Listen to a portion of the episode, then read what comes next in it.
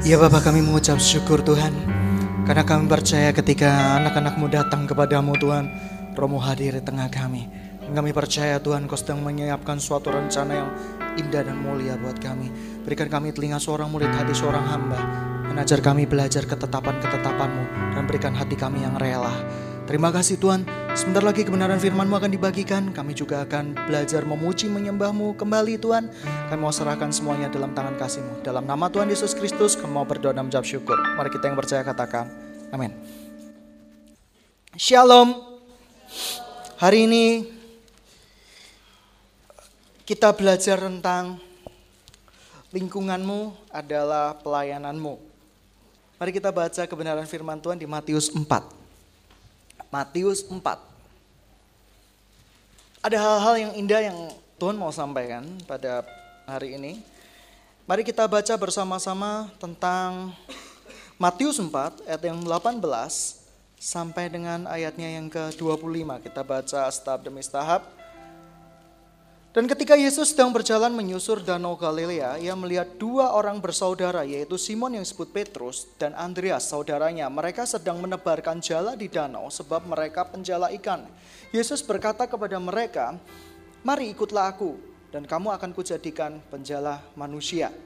Lalu mereka pun segera meninggalkan jalannya dan mengikut dia.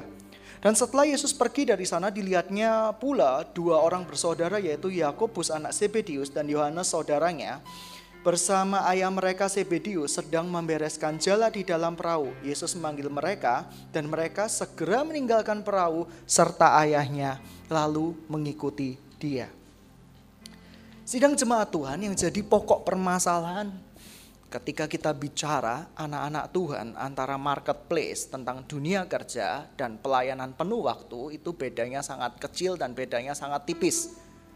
Yang jadi pokok permasalahan dan jadi perdebatan dari beberapa generasi orang yang menonjolkan marketplace sering kali berbicara seperti ini. Memang Tuhan suruh kita melayani Tuhan sepenuh waktu di marketplace, tetapi sebagian besar orang menggunakan kata-kata pelayanan sepenuh waktu di marketplace itu sebagai excuse, alasan mereka untuk meninggalkan pelayanan. Ini yang pendapat pertama. Pendapat kedua berkata seperti ini, loh lalu kalau semuanya jadi full timer, siapa yang mendukung keuangan, siapa yang mendukung sumber daya manusia di gereja. Kalau semuanya jadi full timer, siapa yang berdampak buat gereja? Dan saya kasih tahu itu jadi pergumulan dari tiap generasi. Gereja yang mengagung-agungkan tentang semuanya harus jadi full timer akan selalu mengkhotbahkan kamu harus jadi full timer, full timer, full timer. Akhirnya kamu tidak bisa berpikir lain, ya aku memang full timer padahal belum tentu panggilanmu full timer. Tapi juga gereja yang sedang asik-asiknya kepingin ke marketplace, dia akan cerita marketplace, marketplace. Ya, kamu harus pergi ke dunia kerja, di sana kamu akan berdampak. Yang jadi pokok permasalahan sekarang, baik kedua-duanya saya menemukan hukum yang salah, yang sering kali salah kita pahami. Mengapa demikian? Seringkali orang di marketplace ketika mereka tidak tahu kenapa Tuhan panggil mereka di marketplace, itu memiliki bahaya yang besar buat mereka. Saya banyak sekali menemukan anak-anak Tuhan yang panggilannya bukan full timer, jadi full timer. Maksudnya semua orang memang harus jadi full timer, tetapi menjadi penginjil di gereja, pekerja di gereja, tetapi bukan panggilannya dan itu akibatnya sangat fatal. Sangat fatal sekali, dia tidak bisa berkembang, dia tidak bisa melakukan apa-apa. Seakan-akan dia dikungkung dalam sebuah kurungan. Tetapi saya menemukan orang-orang yang dipakai Tuhan secara luar biasa di gereja memang menjadi pelayanan penuh waktu di gereja, mereka memang yang betul-betul dipanggil Tuhan, mereka akan efektif luar biasa. Mereka bisa menggunakan pedang, mereka bisa menggunakan cangkulnya secara sangat efektif.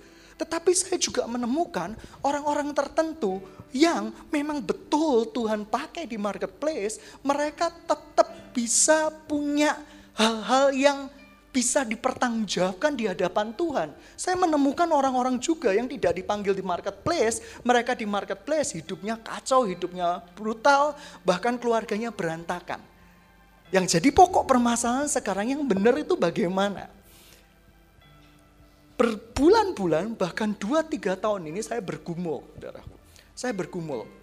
Seringkali Saya adalah seorang hamba Tuhan yang bergerak di dua bidang sekaligus. Saya punya marketplace. Saya seorang kontraktor ya, konstruksi. Saya bangun perumahan-perumahan dan saya jual kembali. Kadang ada perasaan begitu kuatnya merasa berdosa. Jujur di awal-awal pelayanan saya. Dan suara Tuhan seakan-akan berkata kamu harus full timer dan ketika saya full timer total, saya merasa menjadi mohon maaf ya, hati saya seperti ini. Saya merasa saya cuma ngomong kok digaji. Ini pergumulan yang besar. Saya dilahirkan dalam sebuah struktur keluarga yang berkata kalau kamu mau dapat apa-apa ya kamu harus kerja keras untuk dapetin itu. Dan saya nggak bisa, saya nggak bisa ngomong cuap-cuap satu jam tiba-tiba dibayar satu juta. Nih buat kamu. Saya kaget, saya malah stres gitu ya. Saya malah stres dapat uang segitu, segitu. Waduh, mulai berpikir, mulai pikirannya jahat. Kalau sekali satu juta, 30 hari 30 juta sudah tutup saja. Perusahaan tutup aja toko, ya kan? Khotbah terus saja. Tetapi ada satu titik temu, ya, titik keseimbangan dalam bahasa matematikanya equilibrium. Titik keseimbangan yang kita bisa temukan. Tapi sebelum Anda mengerti panggilan Tuhan di dalam hidup Anda, perlu Anda sadari beberapa hal. Yang pertama, kita baca pertama kali Tuhan memanggil para muridnya. Kalau ayat ini dibaca secara sepihak, ini bahaya. Mari kita baca tentang ayat 18. Yaitu Simon yang disebut Petrus dan Andreas saudaranya, mereka sedang menebarkan jala. Saya percaya pelayanan Tuhan Yesus ini pelayanan marketplace yang indah, yang luar biasa. Tuhan Yesus ketika menemukan para murid-muridnya, tidak sedang di dalam ibadah gereja. Dan saya selalu menemukan Tuhan Yesus menemukan muridnya ketika ada di tempat mereka. Tempat mereka mencari kebutuhan hidup. Bisa itu kuliah, bisa itu studi. Kalau waktu itu Andreas sedang S3, mungkin Tuhan Yesus pergi ke kampusnya Andreas yang waktu S3. Tapi dalam tanda kutip, Tuhan Yesus menemukan para muridnya justru di tempat dan lingkungan mereka masing-masing. Tempat yang mereka banyak sekali lakukan ya. Mereka aktif tiap harinya. Yang kedua, saya temukan hukum seperti ini. Tuhan Yesus selalu mengatakan, tinggalkan dulu marketplace-mu. Ini ekstrim kata-kata Tuhan. Buktinya dia berkata seperti ini, mari ikutlah aku dan kujadikan kamu penjala manusia. Tapi saya juga temukan, kalau kamu lihat histori Alkitab, saya temukan para rasul akhirnya ada yang berkeluarga, ada yang tidak berkeluarga, dan saya temukan ternyata Petrus bekerja. Paulus juga bekerja. Beberapa para murid tidak bekerja. Paulus dia bikin tenda. Dan beberapa para ahli mengatakan tenda buatan Paulus ini dipakai oleh masyarakat luas. Artinya dia bekerja, dia sungguh-sungguh bekerja. Dia tidak buat tenda yang asal-asalan, compang-camping gitu ya.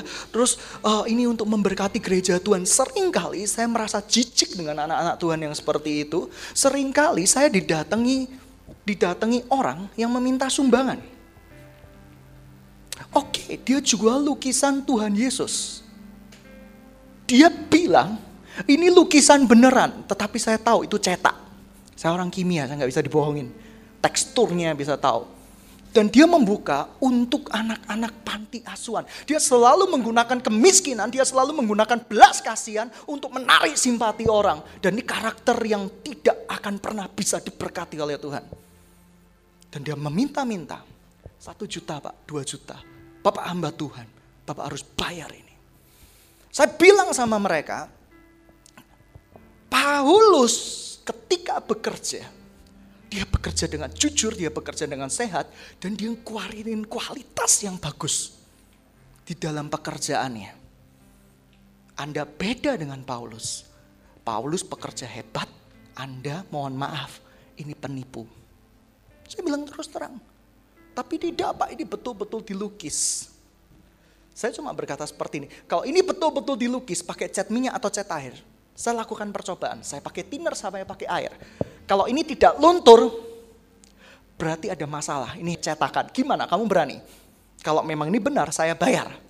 Nggak berani. Pak, Pak nggak mau nyumbang ya sudah.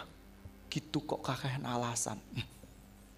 Kadang dengan orang-orang seperti itu, dia gunakan simpati orang. Belas kasihan untuk mendatangkan berkat. Dan sering kali orang-orang tipe orang Kristen seperti ini, kamu lihat, tidak pernah bisa diberkati. Karena Tuhan berkata apa? Orang yang meminta-minta, berkatnya malah diambil.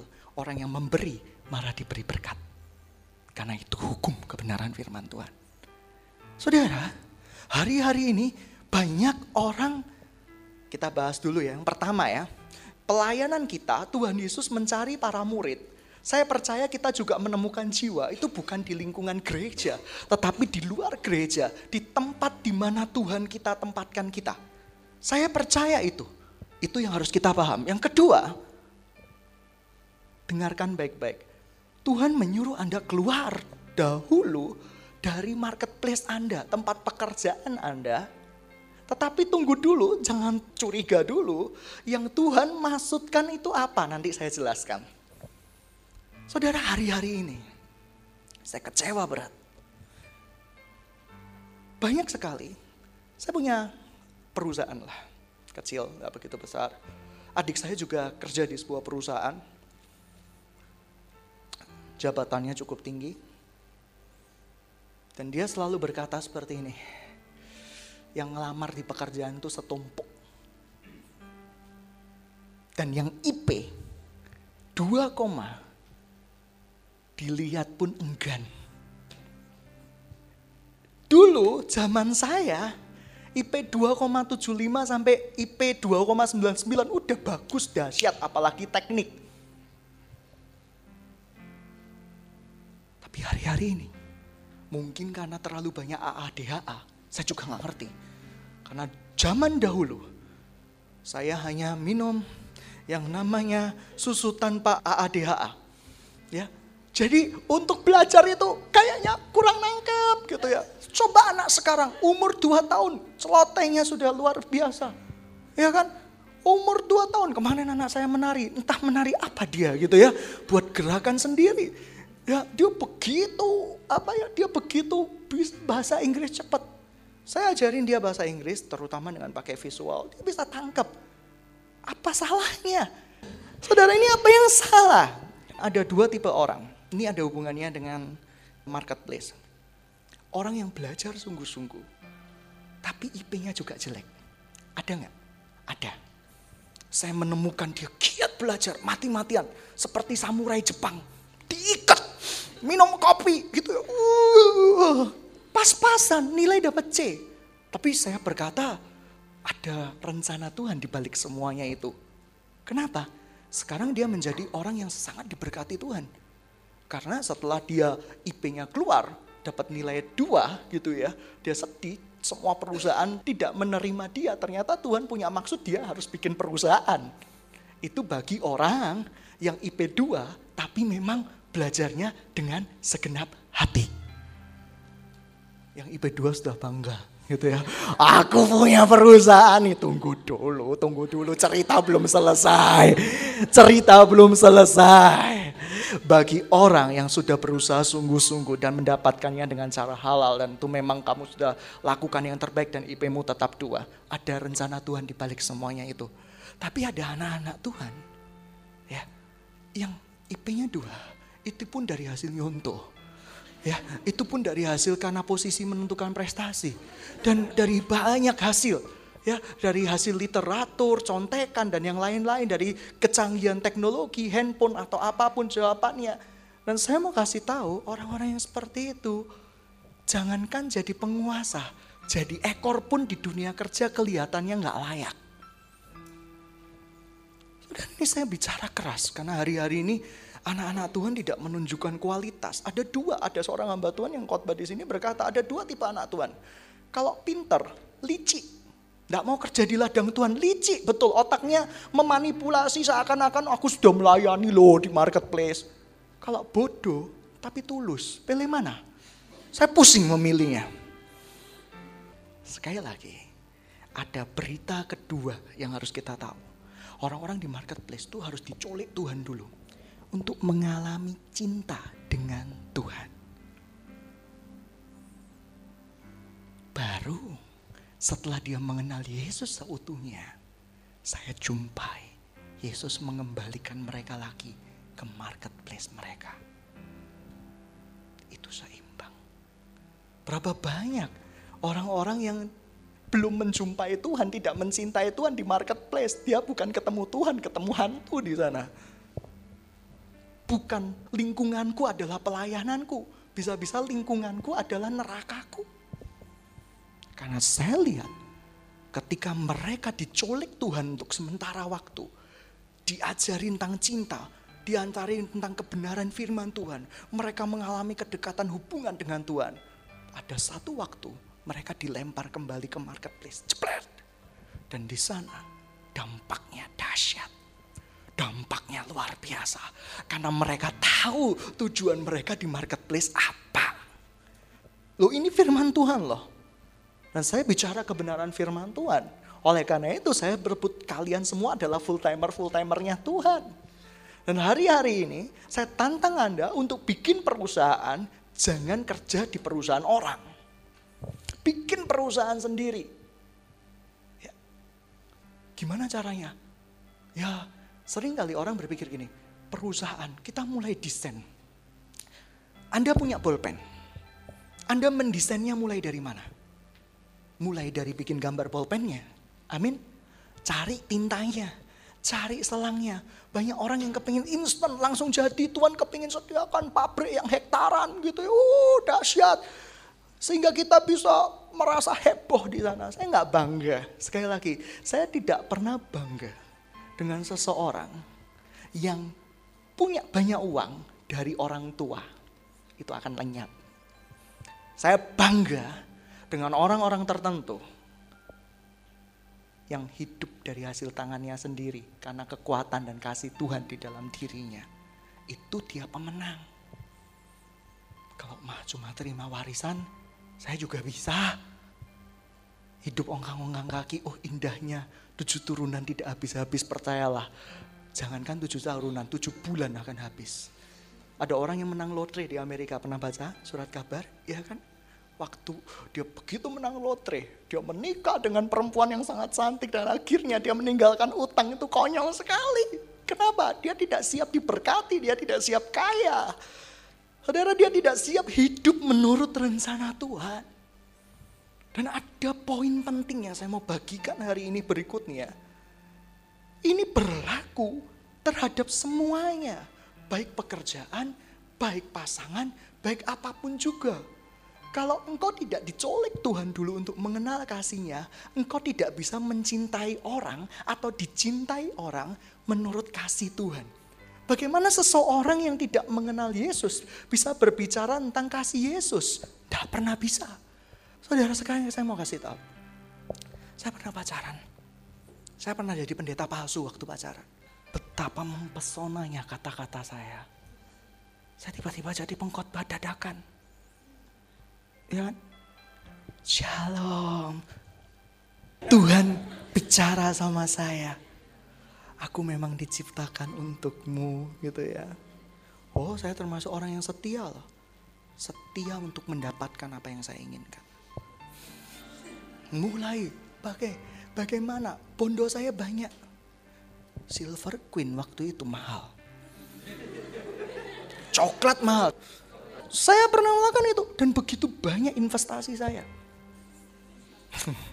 jam tangan berapa suci rohani sekali rohani sekali sampai begitu sempurnanya dia melihat saya sampai tidak ada celah sedikit pun untuk orang untuk mencelakai saya tapi satu hari dia punya pembimbing rohani. Dan saya ditampar habis-habisan. Ngomongnya cuma sederhana tapi lakit gitu ya seperti itu. Dia bukain ayat gini. Tuhan tidak suka orang bermuka dua. Entah kenapa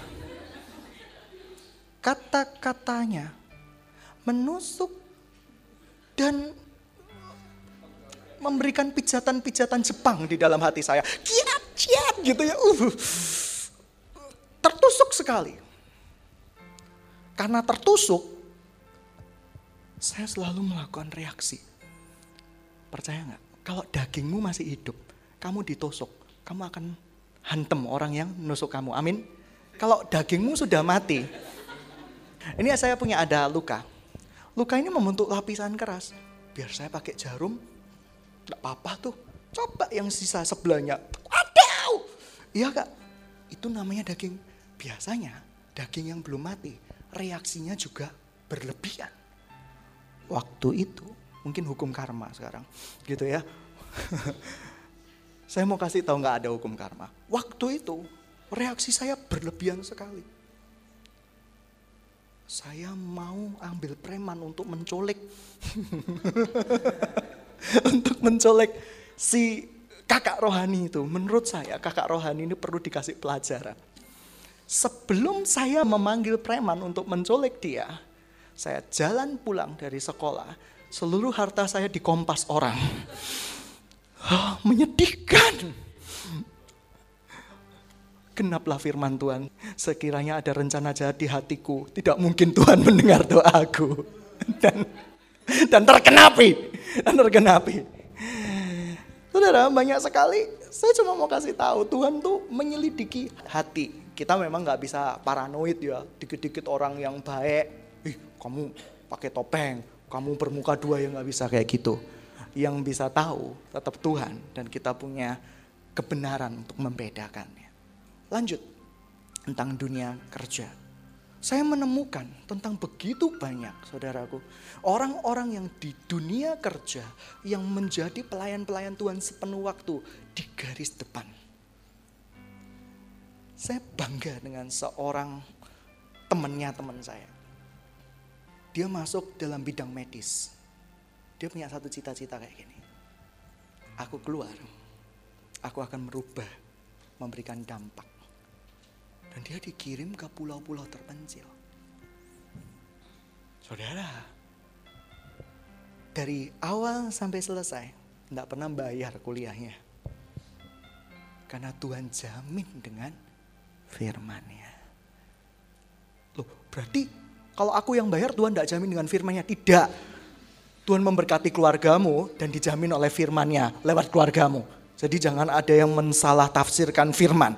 Banyak orang yang Orang terluka itu biasanya firman yang sedikit gimana diartikan berbeda, diartikan berbeda. Mungkin transtoolnya salah, versinya versi lama. Harus dikasih versi yang terbaru.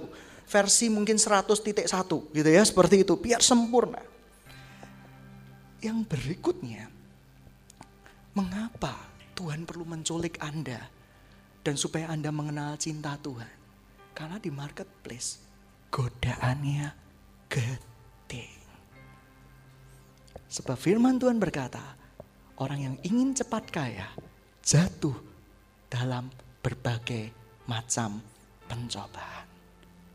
Kamu lihat orang-orang yang sudah bekerja di marketplace. Berikutnya yang mau kita pelajari, mari Lalu mereka pun segera meninggalkan jalannya dan mengikut dia. Dan setelah Yesus pergi dari sana dilihatnya dua orang bersaudara yaitu Yakobus anak Sebedius dan Yohanes saudara bersama ayah mereka Sebedius yang sedang membereskan jala di dalam perahu. Yesus memanggil dan mereka segera meninggalkan perahu serta ayahnya. Artinya apa? Tuhan ingin menculik mereka terlebih dahulu, mencuci otaknya dengan kebenaran firman Tuhan, Sebab Tuhan Yesus tahu kalau dia masih dengan orang tuanya, masih dengan ayahnya, pakai pemikiran orang tua atau pemikiran ayah atau pemikiran ibu, kuatir-kuatirnya Tuhan tidak bisa mengubah pemikirannya. Karena orang tua masih ada daging. Sebaik-baiknya, semalaikat-malaikatnya orang tua kita masih ada daging. Orang tua mana yang kamu ngajukan proposal, Pak, aku mau jadi bisnismen. Dan 50% dari uangku tak gunakan untuk kerajaan Allah. 20% lagi untuk anak-anak jalanan. Dan saya 10%. Terus orang tuamu langsung meloncat, Hei happy anakku dahsyat luar biasa. Oh kemuliaan dari tempat yang maha tinggi. Enggak. Dia akan lihat kamu Keluarga dulu dipentingin, keluarga dulu dipentingin, keluargamu masih banyak gitu ya. He, kamu masih ada tante gitu ya. Kamu masih ada tante punya tante punya tante gitu ya. Kamu masih om punya om punya om tuh yang akan berkati dulu keluarga kamu. Lama-lama saya mau kasih tahu kita kan semuanya satu, satu keluarga Allah dari Adam dan Hawa kan. Ya kan, bukan dari monyet kan. Dari Adam dan Hawa kita satu keluarga. Dan Tuhan panggil dulu untuk mengisi itu dengan kebenaran firman Tuhan. Kemarin saya berdoa banyak buat anak-anak semua. Hidup adalah sebuah keputusan. Jangan main-main dengan keputusan yang kamu ambil. Salah keputusan, fatal seumur hidup. Minta waktu yang tepat untuk mengambil keputusan. Saudara, keputusan ini seperti pohon durian dia akan jatuh sendiri dan kamu harus segera ambil. Itu berarti sudah masak. Tapi kalau kamu stres, kamu goyang-goyangkan pohon durian, semua buahnya akan mencelakai kamu. Kamu akan dapat godam dari langit das dan itu celaka sekali. Saudara, setelah itu apa yang terjadi? Apa yang terjadi setelah itu kita baca. Yesus pun berkeliling ke seluruh Galilea.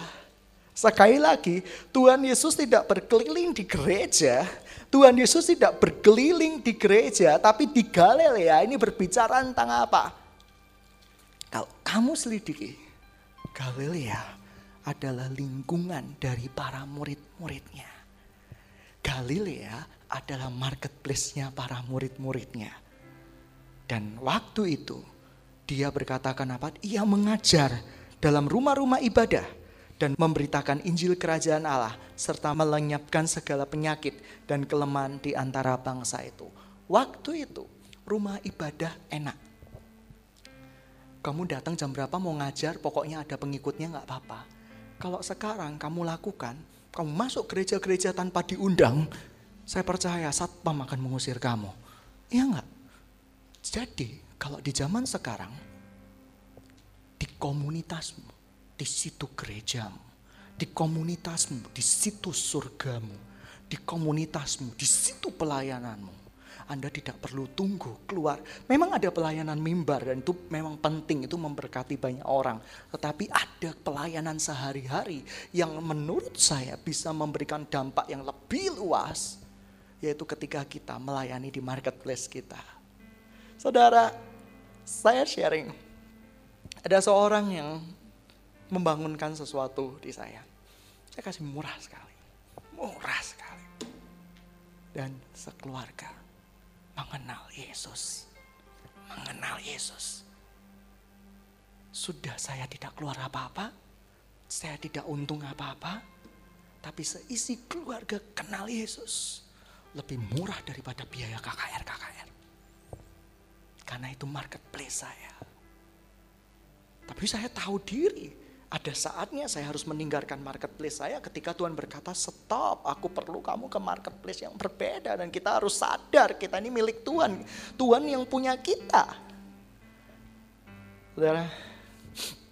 Dan ketika Anda melayani di marketplace Anda, muncul keajaiban demi keajaiban. Seseorang menelepon saya dari luar kota. Ingat air HFH? Itu sudah menimbulkan korban. Korban yang dahsyat. Saudara, waktu itu dia stres. Dia kira-kira jualan jamu kalau nggak salah ya, jamu-jamu.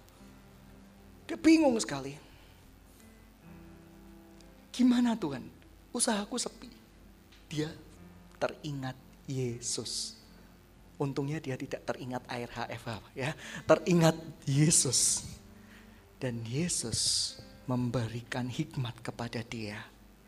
Kamu pernah terima air? yang pernah didoakan oleh anak yang lucu-lucu itu saya tambah sendiri. gitu ya.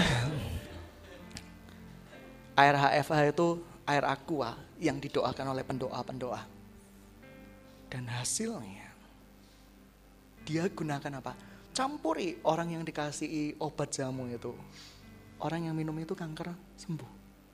Dan besoknya tempatnya sangat ramai. Ya dahsyat ini apa? Airnya percaya sama Yesusnya. Saudara, lihat toh dari tangan-tanganmu akan jadi berkat.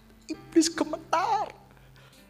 Saya percaya Anda pernah mengalami rencana-rencana Tuhan indah. Saya percaya ketika kita ya doain rumah seseorang, rumah seseorang, saya tahu ada penguasa kegelapannya, baru-baru saja mungkin orang tahu lah. Ada penguasa kegelapannya di ruko itu. Saya cuma senyum, kalau saya ceritakan detail pasti nggak akan bisa tidur nyenyak. Tapi saya hamba Tuhan yang penuh kasih, yang menceritakan dengan bahasa sehalus mungkin. Begitu anak Tuhan menyanyikan sebuah lagu, mereka pergi. Dan mereka pergi. Mereka cuma berani di depan pagar. Artinya apa? Kita punya kuasa. Tapi setelah melakukan tahap-tahap sebelumnya diculik Tuhan dulu, mengalami hubungan dengan Tuhan dulu, mencintai Tuhan dulu. Kalau kita mencintai Tuhan, kita bisa mencintai seseorang dengan tulus. Kalau kita mencintai Tuhan, karena tumbuhan adalah sumber dari segala sumber cinta. Itu luar biasa. Dalam mencintai Tuhan, kalau orang yang bisa melihat orang yang mencintai Tuhan itu saya pernah lihat orang yang mencintai Tuhan. Dia anak SMP. Waktu itu saya belum jadi hamba Tuhan, tapi saya sudah melayani. Satu kali saya dapat semacam vision. Dia menyanyi, saya tahu menyanyinya itu tulus sekali. Dia menyanyi dengan beruraian air mata. Tiba-tiba saya lihat, saya lihat sekali dia bawa sekeranjang buah-buahan yang penuh, yang melimpah. Anggurnya gede-gede. Jeruknya gede-gede melimpah sampai meluber di keranjangnya. Saya kaget. Tuhan berkata sama saya, lihat di tanganmu. Saya lihat keranjang besar dengan satu jeruk. Itu pun sudah mau hampir busuk. Saya cuma bilang sama Tuhan, mengapa anak itu bisa begitu melimpah? Persembahannya bisa begitu banyak buah-buahan yang begitu, begitu meluber dari keranjang-keranjangnya. Mengapa saya tidak bisa Tuhan? Hukumnya tetap satu. Mencari Tuhan, mencintai Tuhan. Dia sumber dalam sumber cinta. Saya mau tanya, umur itu di tangan siapa? Tuhan. Saya punya teman angkatan 97, tidak terlalu kenal dekat. Memang tidak dekat, tidak pernah kenal, hanya tahu wajah dan nama, orang sesama pratikum. Dan satu hal saya nggak tahu. Beberapa tahun yang lalu saya pernah baca di koran dia mati dalam kondisi terpanggang di ruko. Dia naik ke lantai tiga dan di sana dia mencelupkan diri ke kolam air, gitu ya, di apa? Bak mandi. Saya tidak tahu uh, bak mandi bukan tempat persembunyian yang baik. Kalau kamu tahu titik-titik air tuh berapa ya. Jadi kamu harusnya ke tempat yang titik-titiknya dibakar apa pun titik-titiknya pasti lebih rendah. Benda apakah itu? Silahkan tebak sendiri artinya kalau dididihkan itu ada satu gel. Yang dididihkan titik-titiknya cuma 50 derajat. Sebaiknya anda berendam di sana. Ya kan? Karena 50 derajat tidak akan mencelakai kamu. Ya seperti itu. Tapi setelah kamu di sana kulitmu rontok semua. Dan saya mau kasih tahu, dia punya cita-cita. Beberapa waktu dia akan mau menikah. Tapi saya cuma berkata bahwa hidup kita di tangan Tuhan. Masa depan kita ada di tangan Tuhan. Rencana yang indah ada di tangan Tuhan. Hei, jangan pernah curiga sama Tuhan. Saya dulu selalu curiga sama Tuhan. Jangan-jangan kalau aku sembah Tuhan sungguh-sungguh, jangan-jangan kalau aku menemukan Yesus sungguh-sungguh, Tuhan colek aku. Ya kan? Setelah Tuhan colek aku, Tuhan cuci otakku. gembala sidang, gembala sidang, seumur di tempat ini, seumur hidup di tempat ini, seumur hidup di tempat ini. Dan saya sering curiga sama Tuhan. Sampai suatu saat saya berkata, Tuhan, tidak ada hebatnya saya curiga dengan kamu. Bagaimanapun juga keputusanmu yang terlaksana. Begitu saya menyembah Tuhan, eh ada rencana-rencana yang jauh lebih indah. Kemarin ada seseorang yang berkata gini, perusahaan kamu memberkati aku, boleh nggak pinjem nama? Dan aku kasih 150 juta untuk pinjem namamu tok. Wow, saudaraku, perusahaan saya memberkati orang. Dan dia berkata satu orang lagi, saudara yang tidak saya kenal, saudaraku. Dia tidak tahu bagaimana bisa menemukan nomor telepon saya di Staruan. Apa memang nomor telepon saya pasaran juga saya nggak ngerti. Dia calling. Thank you.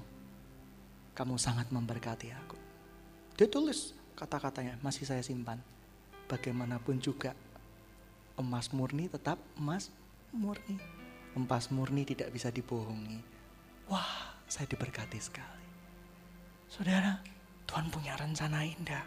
Jangan curiga ya sama Tuhan. Kok kamu sampai curiga sama Tuhan? Betul-betul kamu tidak akan bisa melangkah dengan baik. Hari ini, serahkan semuanya sama Tuhan. Dan keranjangmu akan penuh dengan buah-buahan. Dan di mana pun kamu berada, kamu akan membuat lingkunganmu menjadi gereja Tuhan. Di mana pun kamu berada, kamu akan membuat lingkunganmu seperti surga. Di mana pun kamu berada, kamu punya kuasa untuk merubah situasi yang ada di tempat itu. Saudara, saya cuma berkata Tuhan, kalau dengan tubuh saya, saya bisa memberkati Tuhan. Kalian terlebih lagi, kalian bisa dipakai dengan rencana yang indah. Jangan curiga sama Tuhan ya. Temukan cinta Tuhan, temukan hati Tuhan. Kamu pasti dikembalikan ke marketplace-mu masing-masing. Ada orang-orang yang mendapat kehormatan untuk menjadi hamba Tuhan. Ada orang-orang yang dapat kehormatan lebih untuk bekerja secara hidupnya secara total, melayani orang-orang yang bekerja di marketplace. Seperti beberapa orang, itu panggilan. Dan itu punya nilai yang equal dengan kalian yang bekerja di marketplace asal. Asal kamu dicolek dulu sama Tuhan Yesus diubah dulu persepsimu tentang marketplace. Setelah itu, kamu diterjunkan kembali dan memberikan dampak yang hebat. Amin. Amin. Mari kita tentukan kepala. Terima kasih Tuhan. Engkau baik. Setiap orang pasti punya masalah, setiap orang pasti mengalami tekanan, setiap orang pasti ada dikejar-kejar oleh persoalan. Tapi saya percaya Engkau yang memberikan kekuatan kepada kami semua. Kami percaya Tuhan. Kalau mata hati kami dicelikan, ada berkat-berkat yang tersembunyi yang sedang kau sediakan buat kami. Tuhan, kami percaya kami adalah anak-anakmu. Engkau rindu menjadikan lingkungan kami menjadi media pemberitaan Injil Kerajaan Allah. Kau akan pakai kami Tuhan. Menjadi anak-anakmu. Di garis depan pemberitaan firmanmu. Bentuk aku, pakai aku. Sesuai dengan rencanamu.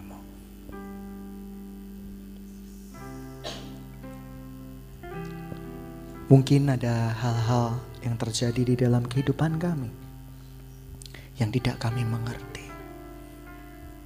Tapi satu hal yang kami tahu, untuk selama-lamanya engkau tetap gunung batu kami. Hari-hari ini kalau Anda punya masalah, mari taruh di dadamu, kita berdoa bersama-sama. Minta Tuhan menghadirkan keranjang buah-buahan yang melimpah buat engkau. Thank you Jesus. Saya tahu sidang jemaat Tuhan. Di tengah tuntutan orang tua, di tengah cemoohan saudara-saudara, kalau mungkin itu terjadi, di tengah-tengah ketidakberdayaan kita, di tengah tekanan yang berat, di tengah-tengah segala situasi yang tidak memungkinkan, saudara kembali kepada Yesus. Jangan pernah curiga dengan Dia. Kalau kamu tahu pribadinya, Dia tidak pernah menuduh kamu, Dia tidak pernah menghakimi kamu, tapi Dia menegur kamu supaya kamu kembali. Mari bawa perasaan aku mau berserah kepada Yesus. Jangan bawa perasaan tertuduh, karena penuduhan itu dari iblis, tapi teguran itu dari Tuhan. Mari bawa di hadapan Tuhan. Dan yakinkan ketika kamu ketemu dengan cinta Tuhan, hidupmu akan jauh lebih bermakna dan berbeda. Engkaulah tempat perlindunganku Tuhan. Saudara saya percaya Tuhan, kalau Engkau adalah tempat perhentian kami, Engkau tempat perlindungan kami, Engkau tempat persembunyian kami. Mari kita berdoa bersama-sama. Tuhan, kami percaya sekarang Engkau tempat persembunyian kami yang aman, di mana keadaan tidak memungkinkan, di mana situasi begitu memberatkan kami, Engkau tetap persembunyian kami. Dan kami mau belajar percaya kepadamu dengan sungguh-sungguh. Terima kasih Tuhan, kamu serahkan semuanya dalam tangan kasih-Mu di dalam nama Tuhan Yesus Kristus. Jadikan kami penjala-penjala manusiamu. Haleluya. Amin.